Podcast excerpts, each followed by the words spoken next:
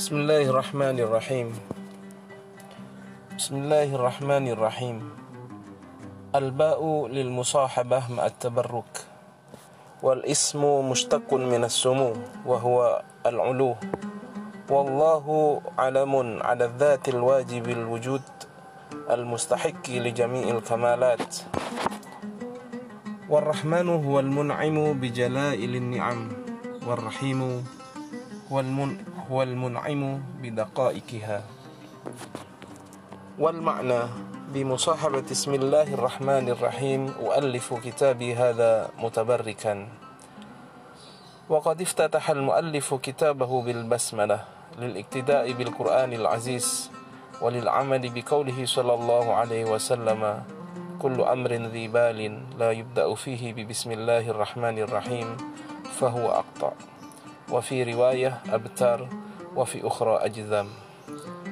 ومعنى ذي بال صاحب حال يهتم به شرعا كتأليف الكتب النافعة والأقطاع مقطوع اليد أو اليدين والأبتر مقطوع الذنب والأجذم المصاب بداء الجذام وهو علة يحمر منها العدو ثم يسود ثم يتشقق ثم يتناثر عادنا الله منها. والمراد من هذه الأوصاف أنه ناقص وقليل البركة.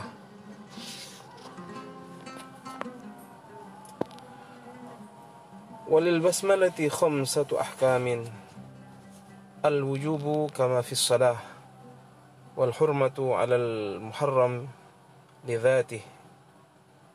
كشرب الخمر والندب على كل أمر ذي بال أي حال يهتم به شرعا كالوضوء وكتأليف الكتب النافعة كما تقدم والكراهة على المكروه لذاته كنظر ما يكره نظره والإباحة على المباحات الذي لا شرف فيها كنقل متاع من مكان إلى آخر.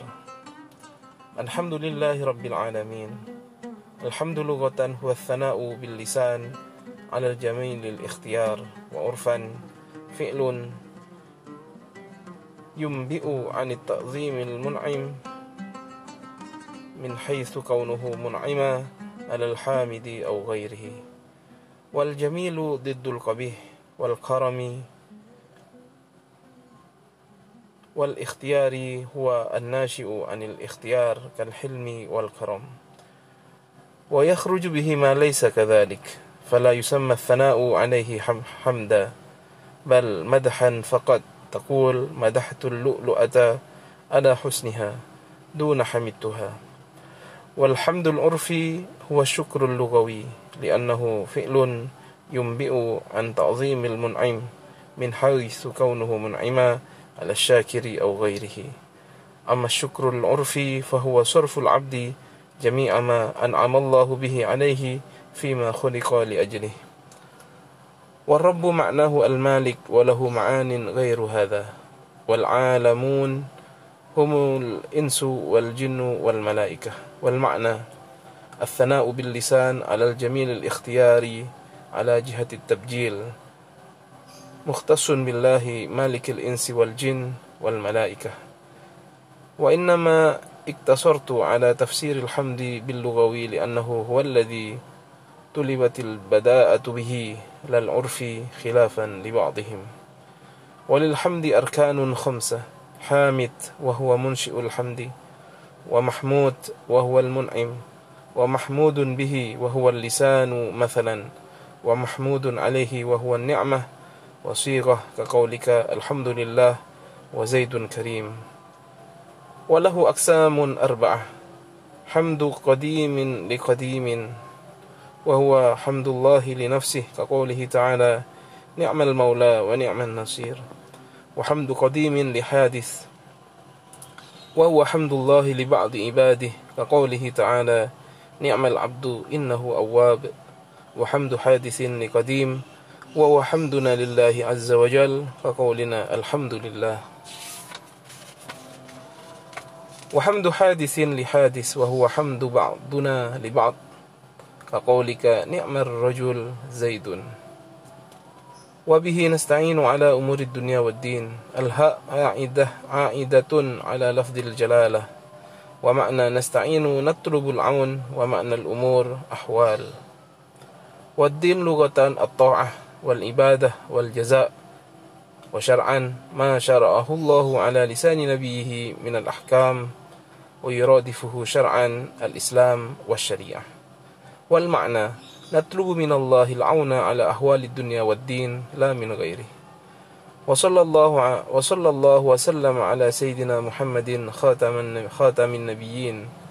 الصلاة هي العطف ثم إن كانت من الله فرحمة أو من الملائكة فاستغفار أو من ومن أو من العدمين فتضرع ودعاء.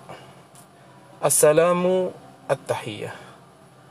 والسيد من ساد في قومه أو من كثر سواده أي جيشه أو من تفزع إليه الناس عند الشدائد أو أو الحليم الذي لا يستفزه غضب. وقد اجتمعت هذه الصفات في نبينا صلى الله عليه وسلم. ومحمد يقال في الأصل لمن كثر حمد الناس له لكثرة خصاله الحميدة وهو هنا علم على نبينا صلى الله عليه وسلم والخاتم بصيغة اسم الفاعل المتمم فمعناه هنا متمم جميع الأنبياء. فلا تبتدئ نبوة نبي, نبي, نبي بعده ويجوز أن يكون بفتح التاء كما قرئ به أي كآلة الختم.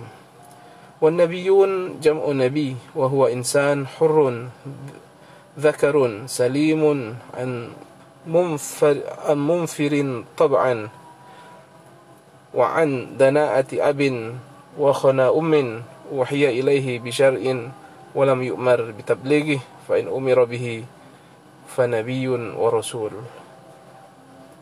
والمنفر طبعا كالجذام والبراس بخلاف الحمى ونحوها ودناءة الأب خسته ككونه حجاما أو زبالا أو خنا, خنا الأم فحشها وزناها.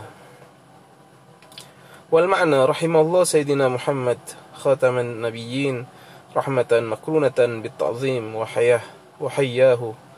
وقال الإمام الرافعي إن المعنى عظم الله محمدا في الدنيا بإعلاء ذكره وإدامة شرعه وفي الآخرة بتشفيئه في أمته وإجزال مثوبته وإبداء فضله للأولين والآخرين بالمقام المحمود وتقديمه على كافة المؤمنين. قال وهذه أمور أنعم الله بها عليه ولكن لها درجات وقد يزيدها الله تعالى بدعاء, بدعاء المصلين.